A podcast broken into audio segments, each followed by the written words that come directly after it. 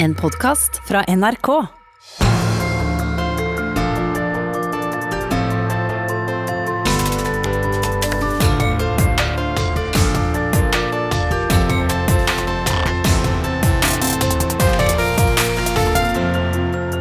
disse dager er tusenvis av helsearbeidere i karantene, smittetallene stiger og økonomien kneler.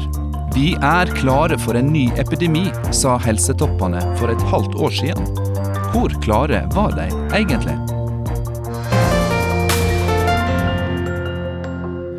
Ja, velkommen til disse dager på NRK P2. Ei nokså spesiell sending i nokså spesielle tider. For denne utgåva er spilt inn ved leirbålet på koronacampen som jeg og barna mine har laga oss i marka her utenfor Oslo. Her i skogen har vi lavvo, hengekøyer, heimeskole og heimekontor som et alternativ til de strenge tiltakene som er innførte i hele landet. Og vi sitter her i dag, seks måneder etter at vi i disse dager laga ei sending med overskrifta Er Norge klar for en ny epidemi?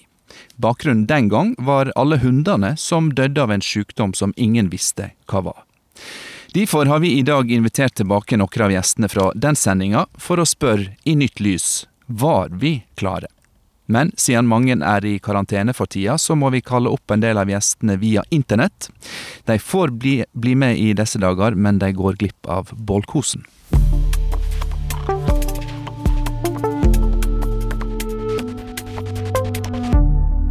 Til leirbålet i Lavvoleiren har jeg i dag invitert Charlotte Danielsen, som inntil for et par uker siden livnærte seg av å være fotograf i Oslo. Velkommen til skogs, Charlotte. Tusen takk. Hyggelig å være her. Så bra. Som veldig mange andre selvstendig næringsdrivende, så har du fått arbeidsdagen din snudd opp ned. Hvordan skjedde det for din del? Nei, det skjedde jo egentlig meg som alle andre. Med tanke på at det ikke kom inn noe oppdrag. Ikke helt plutselig, men gradvis. Og så plutselig, egentlig, så bare blei det null oppdrag. Mm. Hvem var kundene dine da du hadde kunder? Jeg fotograferer bryllup og babyer og nyfødt. Og driver også med skole- og barnehagefotografering. Hvordan uh, håndterer du dette? Jeg har jo snakket med blant annet mine kunder som jeg har uh, booket fotografering for um, i forhold til bryllup. Og sendt ut en felles mail. Har fått noen svar, og de har faktisk valgt å ikke avlyse helt ennå.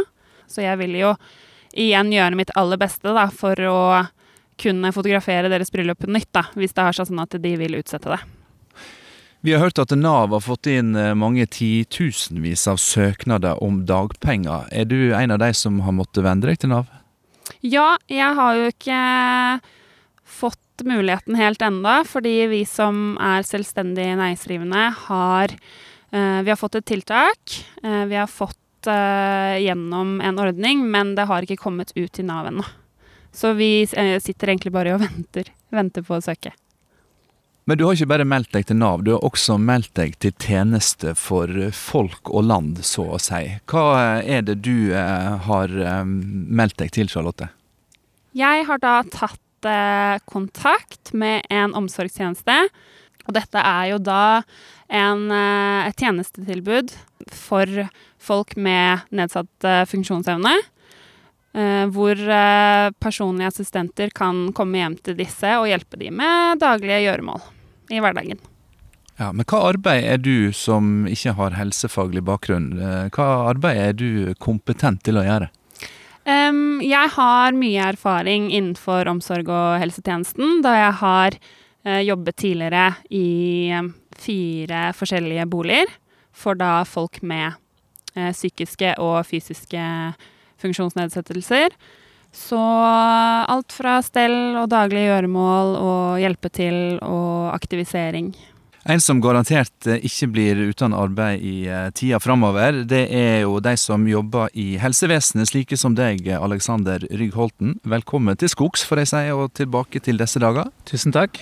Her var det veldig koselig i dag. Ja, det er fint vi får lage oss den kosen vi kan i disse tidene. Nå får vi mate bålet og få det til å varme oss. Eh, du har vært med oss i dette programmet før, Alexander. Det skal vi komme tilbake til. Men aller først, du er overlege ved akuttmedisinsk avdeling på Oslo universitetssykehus universitetssykehus Ullevål. Um, som også tidlig i koronafasen var ei smittekjelde, husker vi. Um, der er også mange ansatte i karantene. Hvordan påvirker det sykehuset? Nei, dette er jo en vanskelig tid for sykehuset. Det er vanskelig med, uh, med den tjenesten vi skal levere. Det er mer komplisert med så mye smitte. Og så er det mange ansatte som er ute både med sykdom, men mest av alt med karantene, da. For både Oslo og Bergen eh, har jo bedt folk om å melde seg til tjeneste, først og fremst da de med helsefaglig bakgrunn. Men hva type oppgaver er det det vil være behov for av frivillige?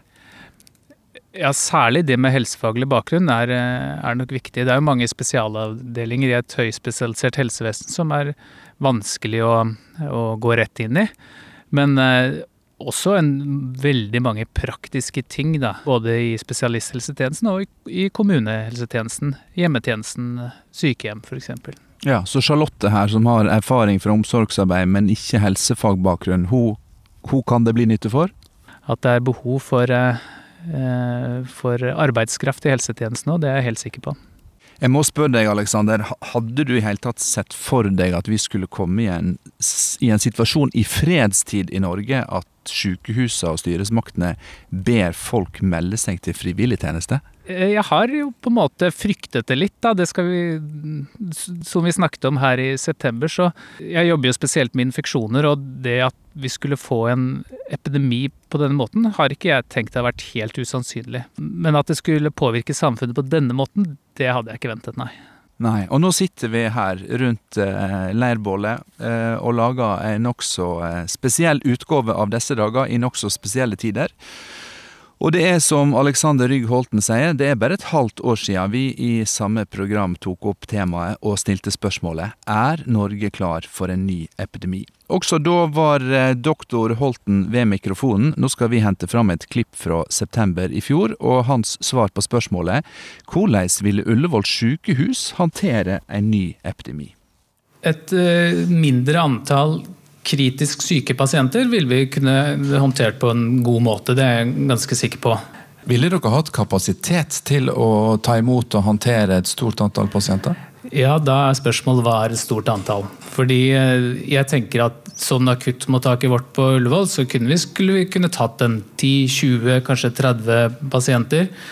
Men um, sånn som i Giardia-utbruddet i Bergen, hvor det var flere tusen som ble syke, selv om de jo da akutt ikke var så veldig syke, heldigvis, men i en sånn scenario med alvorlig kritiske pasienter, så ville jo det selvfølgelig overstrømmet vår kapasitet totalt. Mm. Er et sånt utbrudd av en ny type sykdom med ukjent opphav eh, noe vi må regne med kan råke oss mennesker òg? Ja, det tror jeg absolutt. Altså hele menneskehetens historie har jo bestått av gjentatte utbrudd av eh, smittsomme sykdommer. Dette ser vi også i moderne tid. Da. Så det at det kan komme eh, smittsomme sykdommer som eh, rammer oss mennesker, det er helt sikkert. Ja, det var overlege Alexander Rygg Holten i vår sending for et halvt år siden. Og nå er han tilbake ved leirbålet her i lavvoleiren i Åsen over Grefsen i Oslo. Og det viste seg jo da, Alexander, at historien gjentok seg raskere enn vi trodde. Um, hadde du tenkt da vi snakka om dette i fjor høst, at uh, noe sånt som vi nå står oppi, kunne skje? Eh, ja, jeg hadde jo Det er vel det jeg sier på et vis, selv om jeg at det skulle komme akkurat på denne måten, var uventet for meg. Jeg hadde tenkt mer på et, eh, en mer alvorlig influensa som det første. Men når du sier akkurat på denne måten, hva mener du egentlig da? Da mener jeg den eh, belastningen det har hatt på samfunnet vårt, med de tiltakene vi har, som eh, vel eh, antagelig er på sin plass med den alvorlige sykdommen. Men nå er vi bare et par uker inne i skal vi si, situasjonsbildet i Norge. og for å svare på det spørsmålet vi stilte i september, er vi klare for en ny epidemi? Eh, vil du si at vi var det? Nei, vi var ikke klare, etter min mening. Ehm, det kom jo fram mangler på smittevernsutstyr, mangel på eh, rom på sykehus med, som man kan ha smittevernstiltak på en akseptabel måte. Mangel på luftsmitteisolater. Eh, sånne ting som jeg syns vi burde ha forberedt oss på på forhånd. Ja, Men da vi tok opp dette i disse dager i september, så var det jo ingen som nevnte at dette kunne skje. Da var det jo snakk om kanskje mangel på medisiner, eh, mangel på isolatplasser. Eh, en var veldig opptatt av at planene var gode. Eh, og så sitter vi her og mangler så elementære ting som munnbind og engangshansker. Personlig må jeg si at det skuffer meg at vi ikke hadde det på lager. Jeg tenker det er et eh, ansvar for myndighetene våre å sikre at de som jobber med disse syke pasientene har mulighet til å beskytte seg selv mot smitte. La oss snakke litt eh, om koronaepidemien, som altså starta i Kina, selv om eh, kinesiske og amerikanske styresmakter krangla om hvor det begynte. Eh, du og jeg, Aleksander, vi skal jo opplyse lytterne om at vi bor i samme nabolag, og derfor har vi underveis her snakka mye om utbruddet av covid-19. Da det bare var et utbrudd i Kina, så opplevde jeg at du var nokså rolig på det hele. Men så skjedde det noe uh, for ikke så mange dager siden som uh, gjorde at du ble ekstra vaktsom. Hva var det? Det som virkelig vekket meg, og jeg tror mange av mine kolleger også, var hvordan sykdommen har herjet i Italia. Og særlig Nord-Italia, hvor, hvor, det begynte. Et, et vestlig land med et godt helsevesen som Eh, virkelig til dels har bukket under for denne sykdommen. Med stort antall døde mennesker og et stort antall kritisk syke pasienter. Eh, men så må jeg jo si at det som vekket meg første gang, var når jeg så de tiltakene som ble gjort i Kina, med avstengning av millionbyer. Eh, det gjorde at jeg skjønte at dette må være noe litt mer enn en vanlig influensa, når man går til de drastiske tiltakene, på tross av at kinesiske myndigheter på den tidspunktet sa at de hadde kontroll over utbruddet. Du var jo også med på et uh, nettmøte, har du fortalt, med um, italienske leger som sto midt oppi håndteringa. Hva var det du så der som gjorde inntrykk på deg? Kanskje var det hvor sliten eh, han selv så ut. Lente hodet i hendene på tross av at jeg ble vitset litt i, på dette møtet, så var det ikke noe smil som eh, kom fram i ansiktet til eh, den legen som ble intervjuet. Og så er det jo tallene som han beskriver også, men, men kanskje ansiktet til denne legen var det som eh, vekket meg mest. Mm. Du hører på aktualitetsprogrammet Disse dager på NRK P2, som i dag eh, sender fra leirbålet i en lavvoleir som vi har kalla Camp Korona. Den har jeg og barna mine laga for eh, oss sjøl her i skogen over Grefsen i Oslo. Her har vi fyrt leirbål eh, sammen med gjestene våre, overlege Alexander Rygg Holten og fotografen Charlotte Danielsen, som har meldt seg som frivillig til helsetjenester. Charlotte, jeg vil spørre deg, når du hører doktor Holten her sier at, eh, at han, det gjør inntrykk å se kollegaer som er helt fortvila over eh, det de må håndtere. Du som står på utsida her, eh, som en borger i, i Oslo i Norge. Hva tenker du om, om det som utspiller seg? Jeg har prøvd å finne ord for det. For å på en måte beskrive hvordan situasjonen vi er i føles. Og for meg så føles det bare veldig surrealistisk, egentlig. Det er utrolig rart. Hva er det du tenker som mest surrealistisk? Det at du ikke kan gå inn på en eh, dagligvarebutikk uten å passe på hvor du går hen, uten å skulle eh, dunke eller bulke borti noen. Det at det står eh, maks åtte personer av gangen.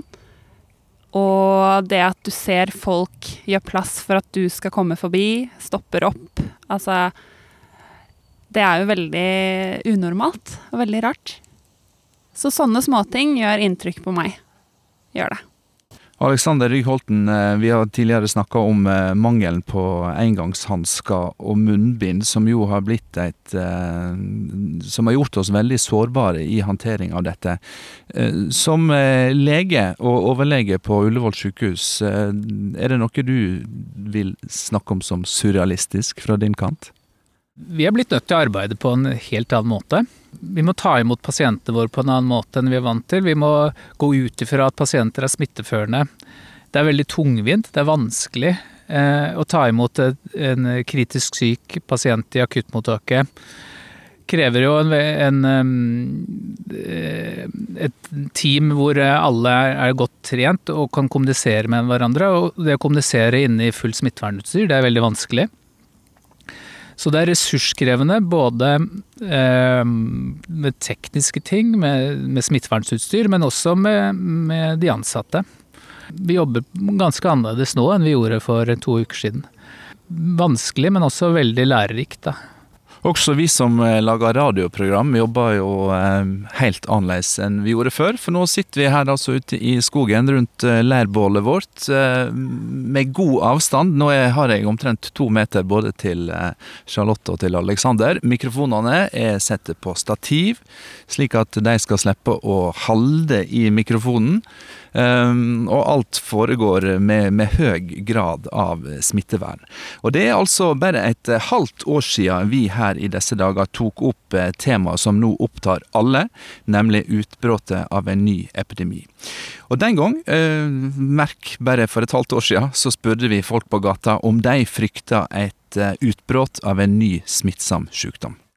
Jeg vet jo det skjer jo ting nå, da, slik at det kan komme litt eh, nye ting inn, som både insekter og dyr. Og, så det er jo ikke helt usannsynlig, men jeg er ganske avslappa for det.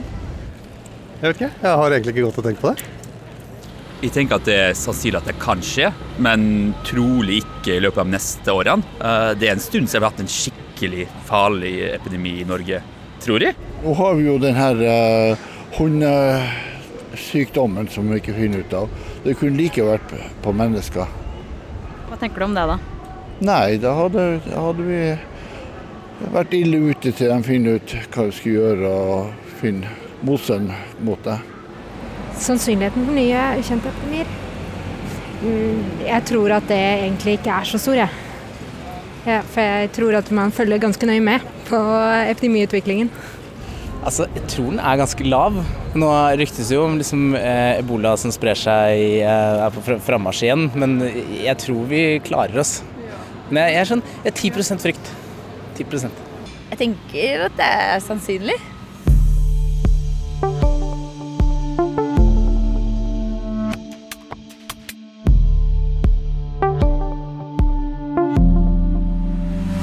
De strenge tiltakene som er innført i Norge, har stort sett møtt eh, forståing og aksept blant folk som nå sitter i karantene og balanserer både heimekontor og heimeundervisning.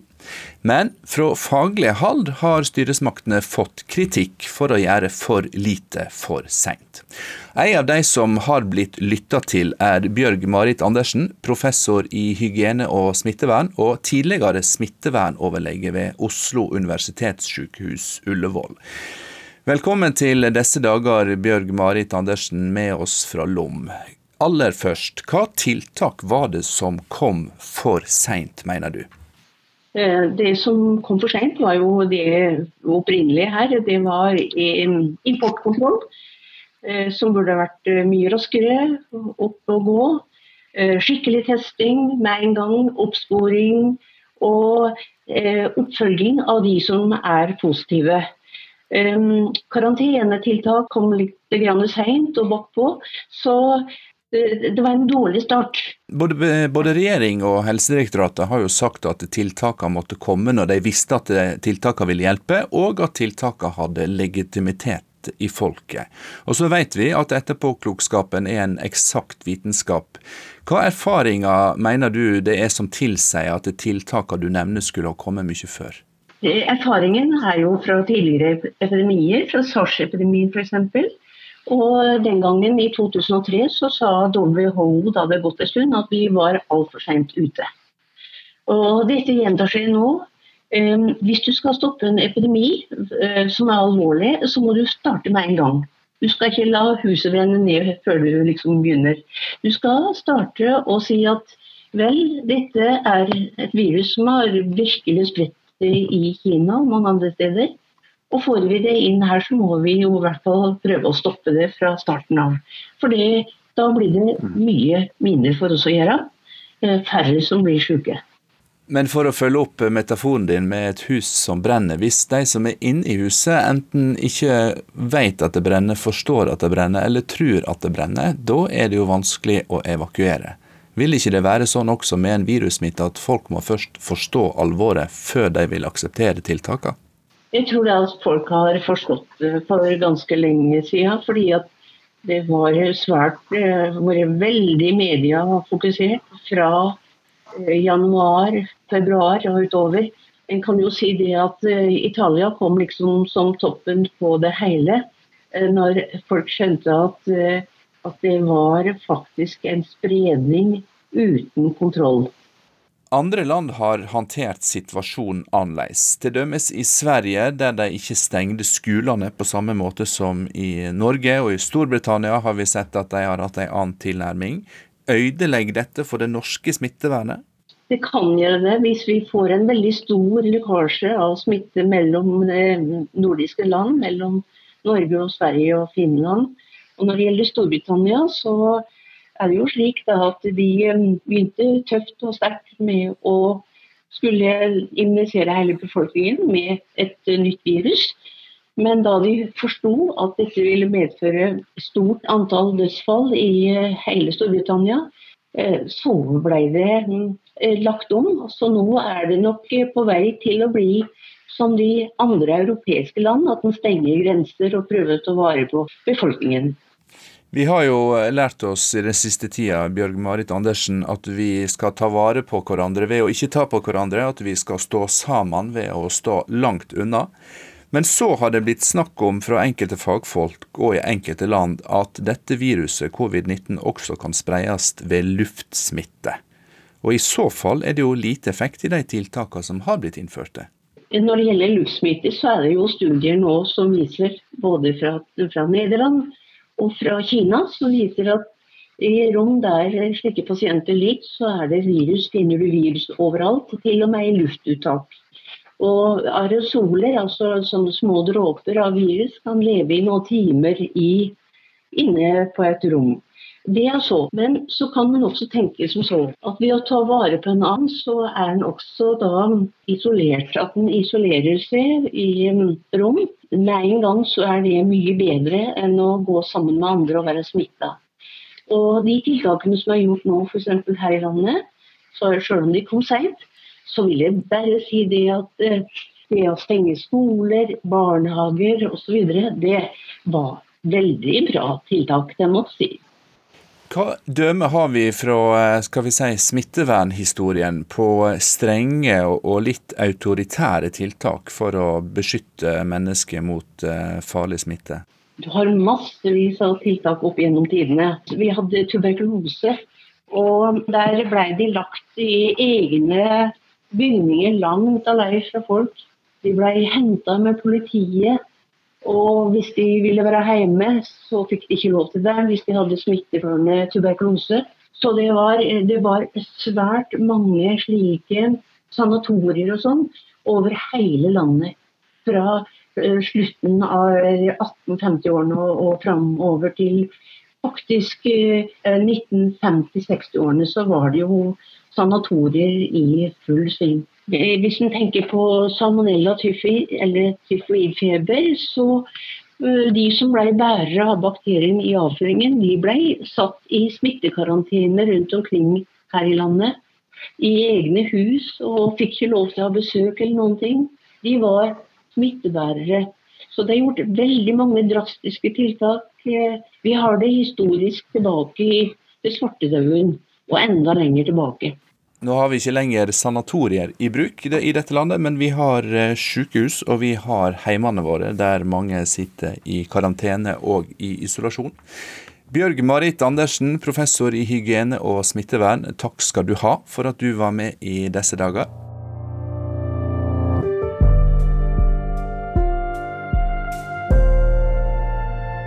Vi er tilbake ved leirbålet her på koronacampen i Grefsenåsen i Oslo, der jeg de siste dagene har hatt eh, tilhold med barna mine og drevet både heimekontor og heimeskole. Her har vi om kveldene sett ned på en fullt opplyst eh, hovedstad og hørt et eh, stillere sus enn vanlig fra en by der det meste har stoppa opp. Her ved bålet i dag har vi på trygg avstand fotografen Charlotte Danielsen, som nå har mista alle oppdragene sine og meldt seg til tjeneste i helsesektoren, der Alexander Rygg Holten har sitt daglige virke som overlege på akuttmedisinsk avdeling på Oslo universitetssykehus.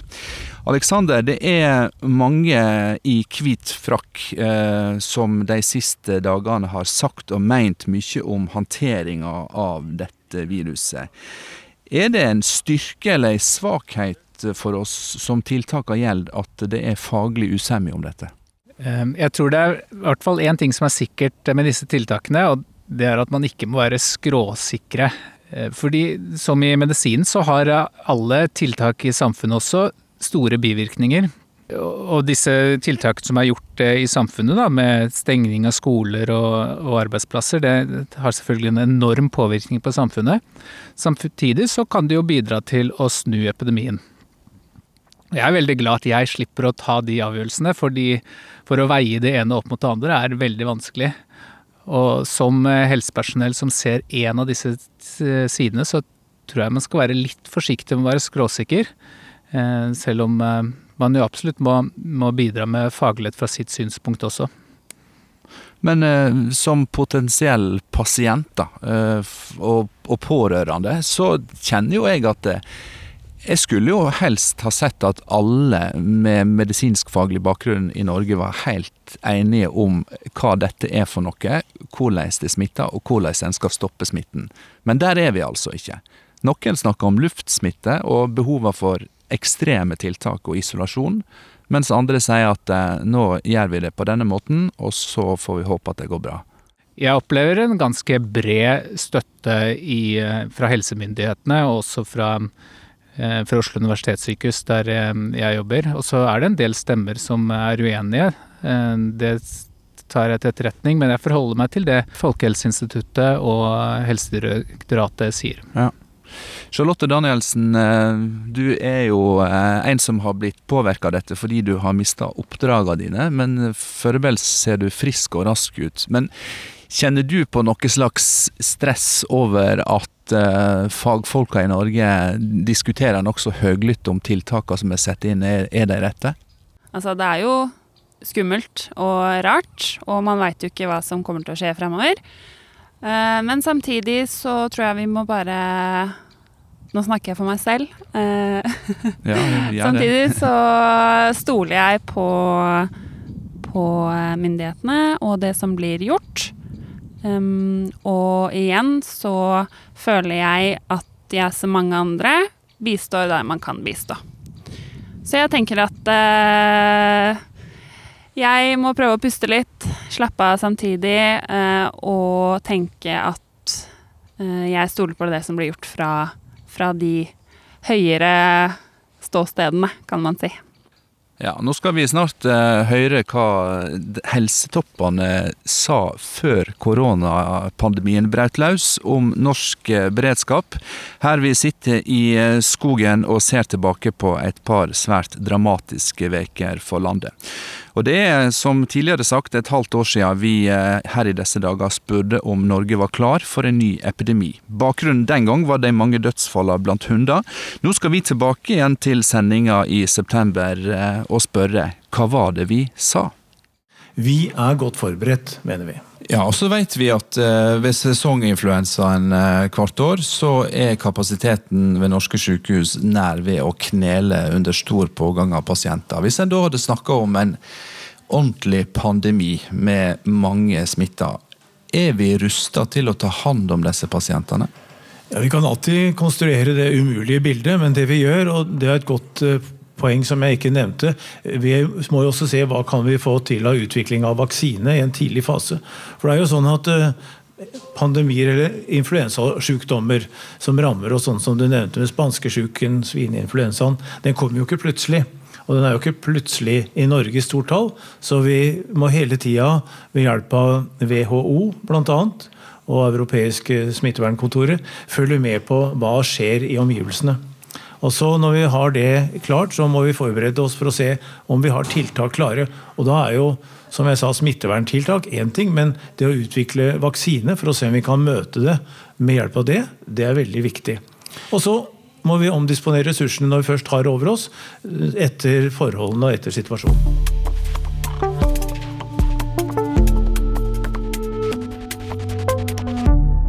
Det var eh, fagdirektøren i Helsedirektoratet for nokså nøyaktig seks måneder siden. Og da er jo spørsmålet Svein Lie med oss eh, via internett. Eh, hva verdi og gyldighet har budskapen din fra september i dag, mener du? Ja, vi har vært forberedt, og vi har holdt på med dette arbeidet for å kunne møte infeksjonen, epidemien, når den kommer til Norge. Det som ikke har slått til i forhold til det jeg nevnte i høst, var at eh, vi har hatt tid til å utvikle vaksine. Fordi dette viruset har spredd seg raskt. Og vi fikk jo en spesielt rask import til Norge ved i dag mer enn 800 som har kommet med viruset fra skiferie i Italia og Østerrike. Det er premisser som jeg ikke tok høyde for den gangen, men det pågår intenst arbeid for både å spore opp og isolere til nå for å gjøre infeksjonstoppen lavere, og at den skal komme seinere. Og så forbereder sykehus og kommuner seg på å møte det. Så vi er forberedt, men det er en veldig krevende oppgave. Og Denne veka så gikk Oslo kommune ut og ba alle som har smittevernutstyr liggende om å melde seg. For eh, mange tusen helsearbeidere er i karantene, og behovet både for smittevernutstyr og frivillige er stort. Hvorfor sa ikke du noe om et slikt scenario da vi spurte deg sist? Jeg sa vel det også at en kan jo ikke forberede alle eventualiteter. Eh, og det ser vi nå at en av de knappe faktorene er smittevernutstyr. Det får vi inn nå i løpet av de nærmeste dagene. Men det er riktig at det har blitt vanskeligere enn vi var forberedt på. Også fordi at den store produsenten Kina var ramma først, slik at det først nå begynner å løsne at vi kan få inn varer. Men det er veldig stort trykk på å få inn det nå, sånn at vi kan beskytte helsepersonell og andre, men først og fremst de, fra å bli syke mens de gir behandling. Men spørsmålet vi må stille oss, vi som står på utsida her, kom dette overraskende på at smittevernutstyr kunne bli en knapphetsressurs? Vi ser at lagrene har vært ujevne, og at vi må fordele. Og det skjer veldig intenst i disse dagene. En tar ut av beredskapslageret og sørger for at personell får. Og så kan vi lære av det og si at lagrene skal være større seinere. Når det gjelder medikamenter, så legemidler, så har vi hatt en nøye gjennomgang av det også, og ser at vi har for de nærmeste månedene. Men også der må vi ha ekstratiltak. Der kjøpes det nå inn for å kunne være forberedt på økt forbruk. Du sa i sendinga at det ville være viktig å utvikle vaksine raskt, eh, da vi spurte i september. Men, med den farten som dette viruset har fra kropp til kropp verden over, og med den tida vi vet det tar å utvikle en vaksine, hva grunner har vi til å stole på at pandemien kan bremses med eh, vaksine? I øyeblikket har vi ikke vaksine, og da klarer vi ikke å bremse pandemien med vaksine nå. Men eh, erfaringa er jo at den vil kunne vare, og for å kunne beskytte de som kan bli syke seinere, så må vi sørge for at vi får en lang utvikling, og sånn at vi kan jobbe med vaksine parallelt og samtidig. Og Det er derfor en strategi som det er sant, den tar tid men den er en del av tiltakspakka. Nå må vi sørge for å unngå å smitte hverandre. Derfor de strenge tiltakene. Det er veldig viktig at folk nå avholder seg for å møtes og risikere mer smitte. Og Derfor sitter vi nå på hver vår tue i Oslo og Sandefjord og diskuterer dette, samtidig som det kommer stadig flere meldinger om funn og indikasjoner på at viruset også smitter via lufta. Det vet jeg at det tok høgde for i de første vurderingene de gjorde, men setter da inn tiltak i stedet for mot dråpe- og kontaktsmitte. Hvorfor har ikke dere valgt å agere etter et verstefallsscenario som luftsmitte vil være? Vi starta med å bruke beskyttelsesutstyr som med luftsmitte. Etter hvert så har det kommet meldinger fra miljøet vårt, som er på Folkehelseinstituttet, at det kan være tilstrekkelig å bruke det som heter kirurgisk munnspind og øyebeskyttelse når en skal ta prøver og gjøre de enkle møtene med pasientene. Men hvis det er eh, ekstra mye variosoler, altså hosting, respiratorbehandling osv. med hosting, så skal man bruke det luftsmittebeskyttelsen. Og det har litt med at vi nå må bruke ressursene eh, hensiktsmessig, fordi at det er en viss grad av knapphet. Mm. Men nå snakker du om tiltak for helsepersonell og i, på sykehusene. Men eh, for de som sitter i karantene og som eh, ikke våger å gå på butikken, men som til nød går en tur i nærområdet, eh, hvorfor har ikke de fått eh, beskjed fra myndighetene om at det finnes indikasjoner på at dette også smitter via luft? Det viktigste smitteveien er dråpesmitte. og Det er derfor vi sier at du må holde deg på minst én meter avstand fra andre for å unngå at de skal bli smitta. Helst to meter. Og være nøye med å vaske hender og vaske flater som blir berørt av flere. Det er de store, breie smittetiltakene.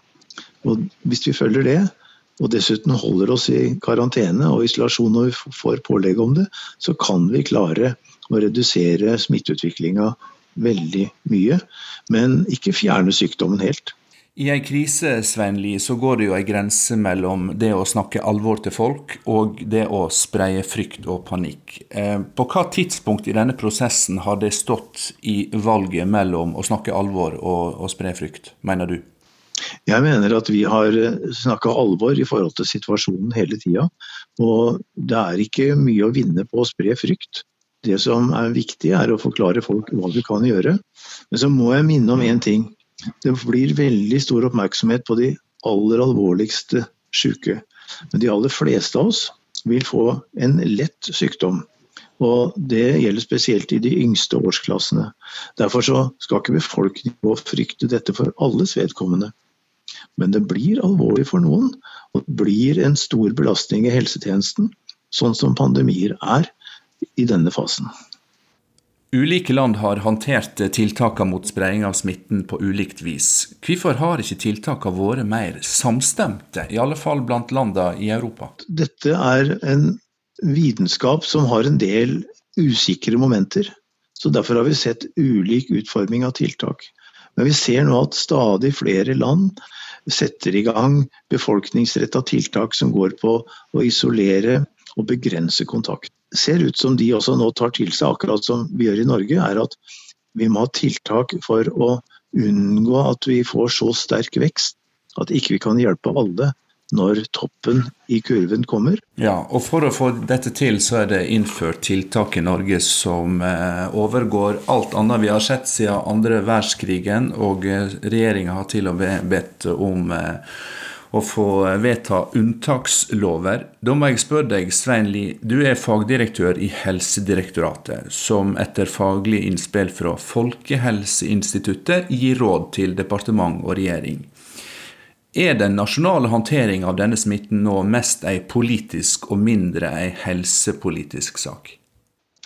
Den blir mer og mer nasjonalpolitisk fordi at sykdommen som truer, og som truer kapasiteten i helsevesenet og personers, menneskers liv for noens vedkommende, den får så store konsekvenser at den rammer jo pga. tiltaka handel, industri, alt vi driver med, kultur osv. Det er utover helsevesenets styringsmulighet og utover hva helsevesenet kan klare å kompensere for konsekvensene av. Derfor er det helt naturlig at det er et statanliggende nå. Takk skal du ha, fagdirektør i Helsedirektoratet Svein Lie, for at du var med oss i disse dager, for tida i karantene hjemme i Sandefjord.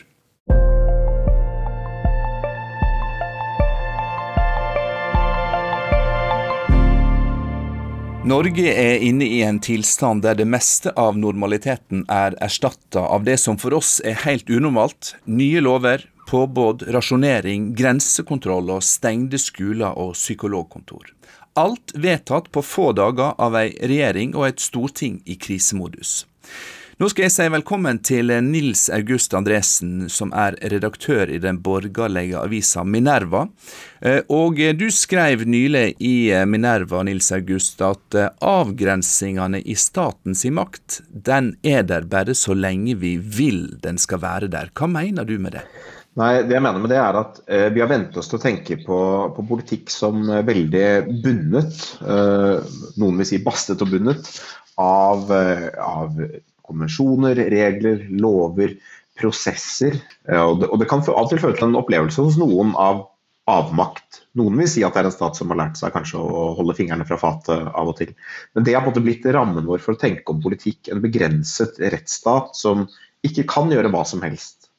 Og så er vi nå i en situasjon der, eh, der det før disse tiltakene ble iverksatt, var i hvert fall fra mange et rop om at staten skulle gjøre hva som helst. Eh, I strid med liksom alle vanlige måter vi tenker om dette på. Eh, har, fordi det var ikke tid til å utrede tiltakene, til å vite at de fungerer, til å vite at de er i tråd med, med alle mulige konvensjoner eller den type ting. Tidligere i disse dager så har vi laga flere sendinger om ulike typer opprør. Om protester mot bompenger, vindmøller, ferjepriser og riving av regjeringsbygg. Og så ropte folket brått da på statlig overstyring og inngripen. Var det lyden av panikk vi hørte der, eller var det et uttrykk for eh, tillit til et styresett? Jeg tror at det er eh, en blanding av panikk og tillit. Det er panikk for at denne situasjonen skal føre til kaos. Det handler ikke bare om å redde liv, men det handler også om å unngå kaos. Og Det er noe av det vi ser når vi ser til Italia. og Vi må huske på at Italia er langt fra, sannsynligvis langt fra topp toppen i antall døde per dag, antall sykehusinnleggelser osv. Det vi frykter er hvis, eh, hvis dette viruset eh, får løpe fritt gjennom befolkningen, eller relativt fritt, eh, så kan det vise seg at helsevesenet kollapser fullstendig. Og hvis helsevesenet kollapser, så kollapser det jo ikke bare for koronapasienter, men det kollapser for alle sammen. For noen år siden så var det problemer med søppeltømmingen. Ikke bare i Oslo, vi hadde litt problemer her også, men, men i Napoli så fikk man ikke hentet søppel på lang tid. og Det ble liksom søppeldynger over hele byen. På, I løpet av de få ukene med mangel på en, en sånn relativt triviell tjeneste, egentlig, så begynte samfunnsstrukturene nesten å kollapse. Forholdet mellom borgerne og, og staten, eller by, eh, bystaten, og borgerne imellom eh, ble fundamentalt endret fordi rammene for et stabilt liv på en måte ble forrykket når, man ikke, når, når dagliglivet ikke lenger fungerer. Det er helt plausibelt og det er en helt forståelig frykt og sånn sett en helt forståelig panikk at dette kunne blitt kaotisk på en måte vi ikke helt har sett før. Og I den situasjonen så, så sparer man da med en form for tillit til at staten skal gjøre det som er statens i de primæroppgave, nemlig å forhindre kaos. Mm. Apropos det, Nils August. En ny lov kan brukes til å forby folk til å være på hytta, og både politi og militært personell kan settes inn mot stridige hyttegjester. Bygger dette tillit til den statlige makta, eller er det så inngripende tiltak at det tvert imot svekker statlige, de statlige tiltakene? Noen har jo protestert mot dette, og for dem svekker det sikkert tilliten. Men det, det jeg vil si om det, uh, altså den analysen jeg har gjort, de, den måten vi er vant til å tenke på rettigheter på, og på statsmakten på, som noe som staten bruker sin makt for å sikre borgernes rettigheter, for å maksimere lykke hos borgerne, om du vil, en, uh, den type stat, den bygger på hele tiden på en forutsetning om at det ikke er kaos. Og, og, så lenge kaos er en helt sånn akutt trussel, så vil toleransen for uh, alle de tiltak som skal til for å hindre kaos, være ganske stor. Ganske mange mennesker har veldig stor tillit til at staten gjør dette fordi den opplever at det er nødvendig, og at det ikke lenger vil være sånn når det ikke er nødvendig. Noen uh, mener selvfølgelig at dette ikke er nødvendig, eller at det ikke er effektivt, ikke er virkningsfullt. Og Det vil være en diskusjon som vi vil se fremover. Mitt perspektiv er at forskjellen på å forklare hvordan har det gått til at vi har fått en så stor aksept for så, at livet vårt er blitt snudd opp ned i løpet av to uker? Uh, uten at folk er ute i gatene og protesterer, uten at uh, vi tror at vi lever i et diktatur. Jeg tror det handler om at For veldig mange mennesker så er det en erkjennelse av at for første gang i vår levetid og for første gang på veldig veldig lenge, så er det noen av statens primæroppgaver som er truet. Jeg tror det kan være nyttig for oss å, å huske på den primæroppgaven og unngå kaos. Eh, fordi det setter en del av de andre politiske debattene i et av og til nyttig perspektiv. En del av de tiltakene som er innført her til lands, minner oss kanskje mer om hvordan det kinesiske kommunistregimet styrer sitt folk. Da skal jeg spørre deg, Torbjørn Færvik. Du er både forfatter, historiker og tidligere journalist med særskilt eh, interesse for eh, og kunnskap om Kina og India. Hva fordeler hadde Kina nytte av eh, å være et autoritært styre i møte med koronasmitten? Kina det blir jo et helt annet uh, univers. Uh, der styrer kun ett parti. Og Det er kommunistpartiet med de sine 90 millioner medlemmer. Og I tillegg så er det da Folkets frigjøringshær, som er en slags tvilling kan vi godt si, av regimet, av partiet med sine to millioner soldater. Eh, så det vi nå har sett da i de senere ukene, det er at disse to instansene har samarbeidet eh, veldig tett da, med sikte på å hindre spredningen av eh, dette viruset. Og både i partiet og i Folkets frigjøringshær så er kommandolinjene veldig klare. Så det er jo en veldig viktig årsak til det hele. At de har lyktes såpass bra. Men når det er sagt, så tror jeg også at det er ganske store mørketall i Kina. Kina det er altså 27 ganger større enn Norge. Og Det å ha oversikt over det som skjer i dette landet til enhver tid, eh, det er veldig vanskelig. Nå har vi jo hørt om denne provinsen midt i Kina som heter Hubei. Det var der det hele startet. Eh, og de mener da å ha fått god kontroll over utviklingen der. Eh, og Det sies også at i Shanghai og en del andre byer så begynner nå livet å vende tilbake til normalen. Men eh, samtidig så må vi være klar over Kinas størrelse.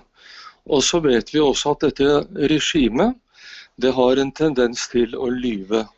Det lyver gjerne av politiske grunner, fordi det ønsker å fremstå som vellykket. Eh, det er selvfølgelig veldig farlig i denne situasjonen, men det kan hende at det skjer fremdeles.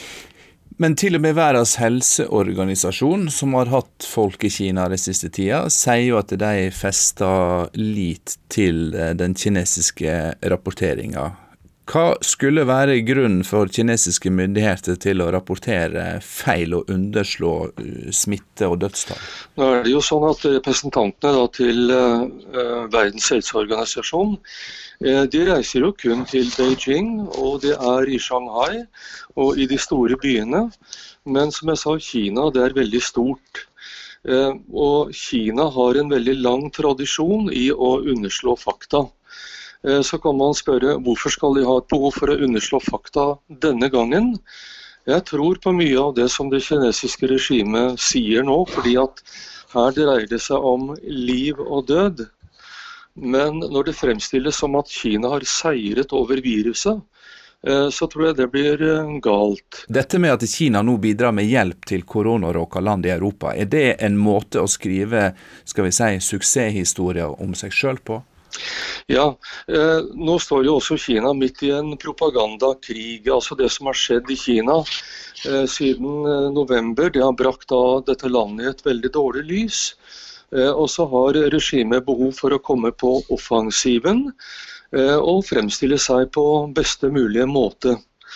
Og En måte å gjøre det på, det er jo da å yte hjelp til land som nå er hardt rammet. Eh, F.eks. Italia. Det er jo veldig gode forbindelser mellom Italia eh, og Kina. Italia har sluttet seg til dette kinesiske Silkevei-prosjektet. Men det er veldig viktig å huske på da, at det første tilfellet eh, av dette viruset i Kina, det ble oppdaget da i november. Det var den 17. november. Det skulle gå mer enn to måneder før Kina innrapporterte eh, denne utviklingen da, til Verdens helseorganisasjon. Så da mistet man utrolig mye tid. Man mistet åtte uker. Det er bare trist og tragisk alt sammen. Så nå lider, kan vi godt si, hele verden. Men hvis Kina hadde vært veldig tidlig ute og spilt med åpne kort, eh, så kunne veldig mye av dette ha vært eh, unngått. Markedene i Kina, der en selv både levende og døde dyr, har fått skylda for spredning av flere virussykdommer, i tillegg til denne siste koronaviruset. Tror du at de kinesiske styresmakter vil ha evne og vilje til å stenge ned disse tradisjonelle markedene? Eh, de burde jo ha eh, evne og vilje eh, evnen til det. Og nå bør de også ha viljen til det. Altså Kina, altså Det viser seg gang på gang at hvis kommunistpartiet i, i dette landet vil, eh, så kan det utrette veldig mye. Så har vi da fått eh, fugleinfluensa, vi har fått svinepest, SARS og nå da covid-19. Og mange av disse problemene og epidemiene, pandemien som er her nå, de kommer da fra disse forferdelige matmarkedene og dyremarkedene i Kina. Eh, hvor mennesker og dyr lever altfor tett sammen. Så ser vi nå at eh, Kina forsøker å gi ansvaret til eh, USA, at det er egentlig USA som står bak. Men alt tyder jo på at problemene ligger i Kina. Jeg skal tilbake til deg, Nils August Andresen, redaktør i den borgerlige avisa Minerva. Dette at ulike land har ulike måter å håndtere det samme problemet på.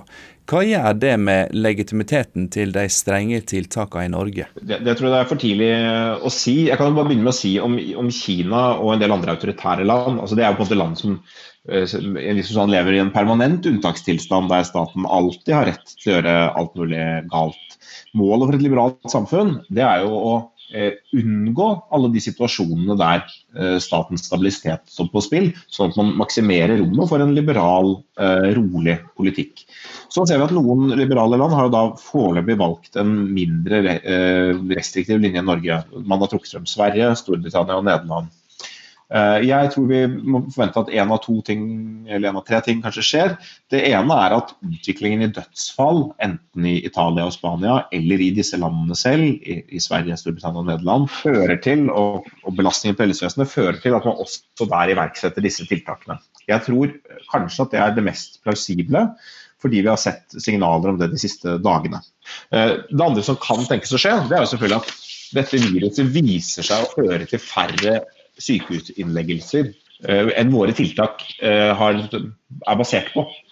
Uh, og I så fall så ville vi jo helt sikkert få en, en, veldig kritisk diskusjon om at disse tiltakene ble iverksatt, ikke bare i Norge, men i mange andre land, og førte til en, en uh, global resesjon, må vi anta, og med alvorlige økonomiske konsekvenser. Da gjenstår det å se om vi også i uh, liberale vestlige samfunn får autoritære tiltak på linje med de som vi har sett i Kina. Jeg skal si takk til Nils August Andresen, redaktør i avisa Minerva. Og takk til Torbjørn Færvik, forfatter og historiker med særskilt kunnskap om Kina.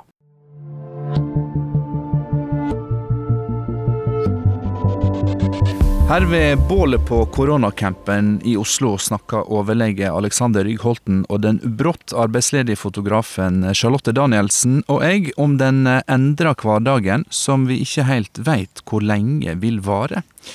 Hvordan eh, ser framtida ut for en fotograf som har fått avbestilt alle oppdragene sine, Charlotte? Jeg øh, håper jo selvfølgelig at øh, dette gir seg så fort som mulig, og man kan komme tilbake til en øh, så å si normal hverdag.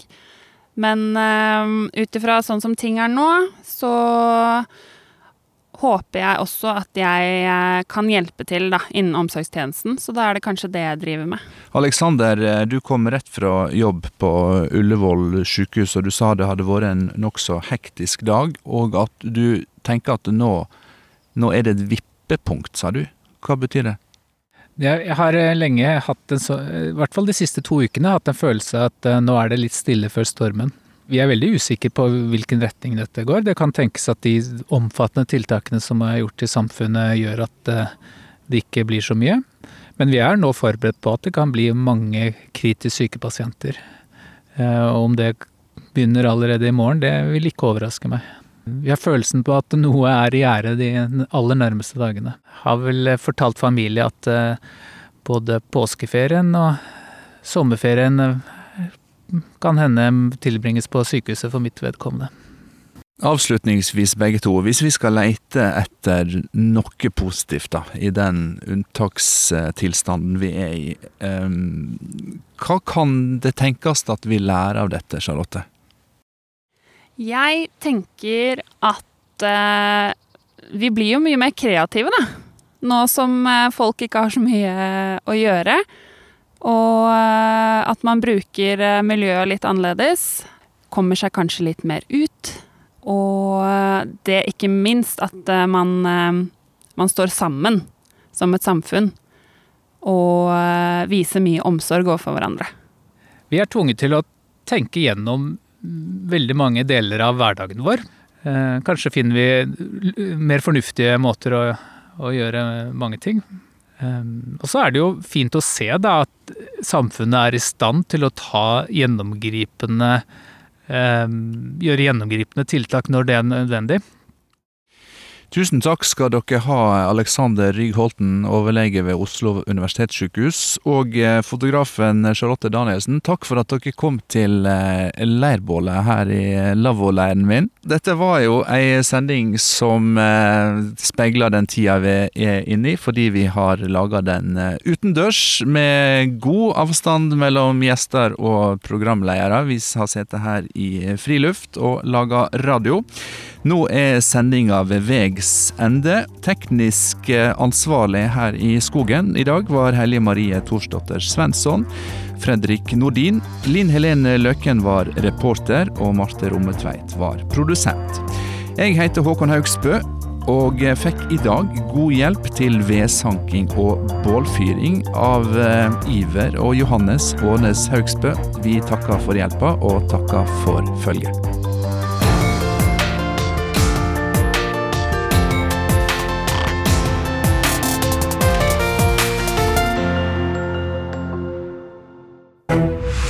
Er det sant at koronaviruset ikke dreper flere enn vanlig influensa? Den store forskjellen er at når det gjelder influensa, så har de fleste av oss litt beskyttelse fra før, fordi vi har vært utsatt for influensavirus tidligere. Hvordan slapp Donald Trump unna i riksrettssaken, når nesten alt tyder på at han var skyldig? One of President Trump's top lawyers claimed any president has almost unlimited power. I år er det ikke mulig å stemme via SMS. I år kan du kun levere stemme på nrk.no. Hva skjedde i kulissene da stemmesystemet i MGP-finalen brøt sammen? Marerittet. En total teknisk kollaps. Og så var det jo bare å prøve å finne ut av ok, men hvordan skal man fylle den ekstra tida. Fordi eh, da var det sånn Du kan jo gå i green room, men når jeg da står i, skal stå i green room, da er jo alle artistene vekke. Alt dette og mye mer får du vite i Oppdatert, podkasten som gir deg peiling på sakene alle snakker om. Hør Oppdatert med meg, Ragna Nordenborg, nå i appen NRK Radio.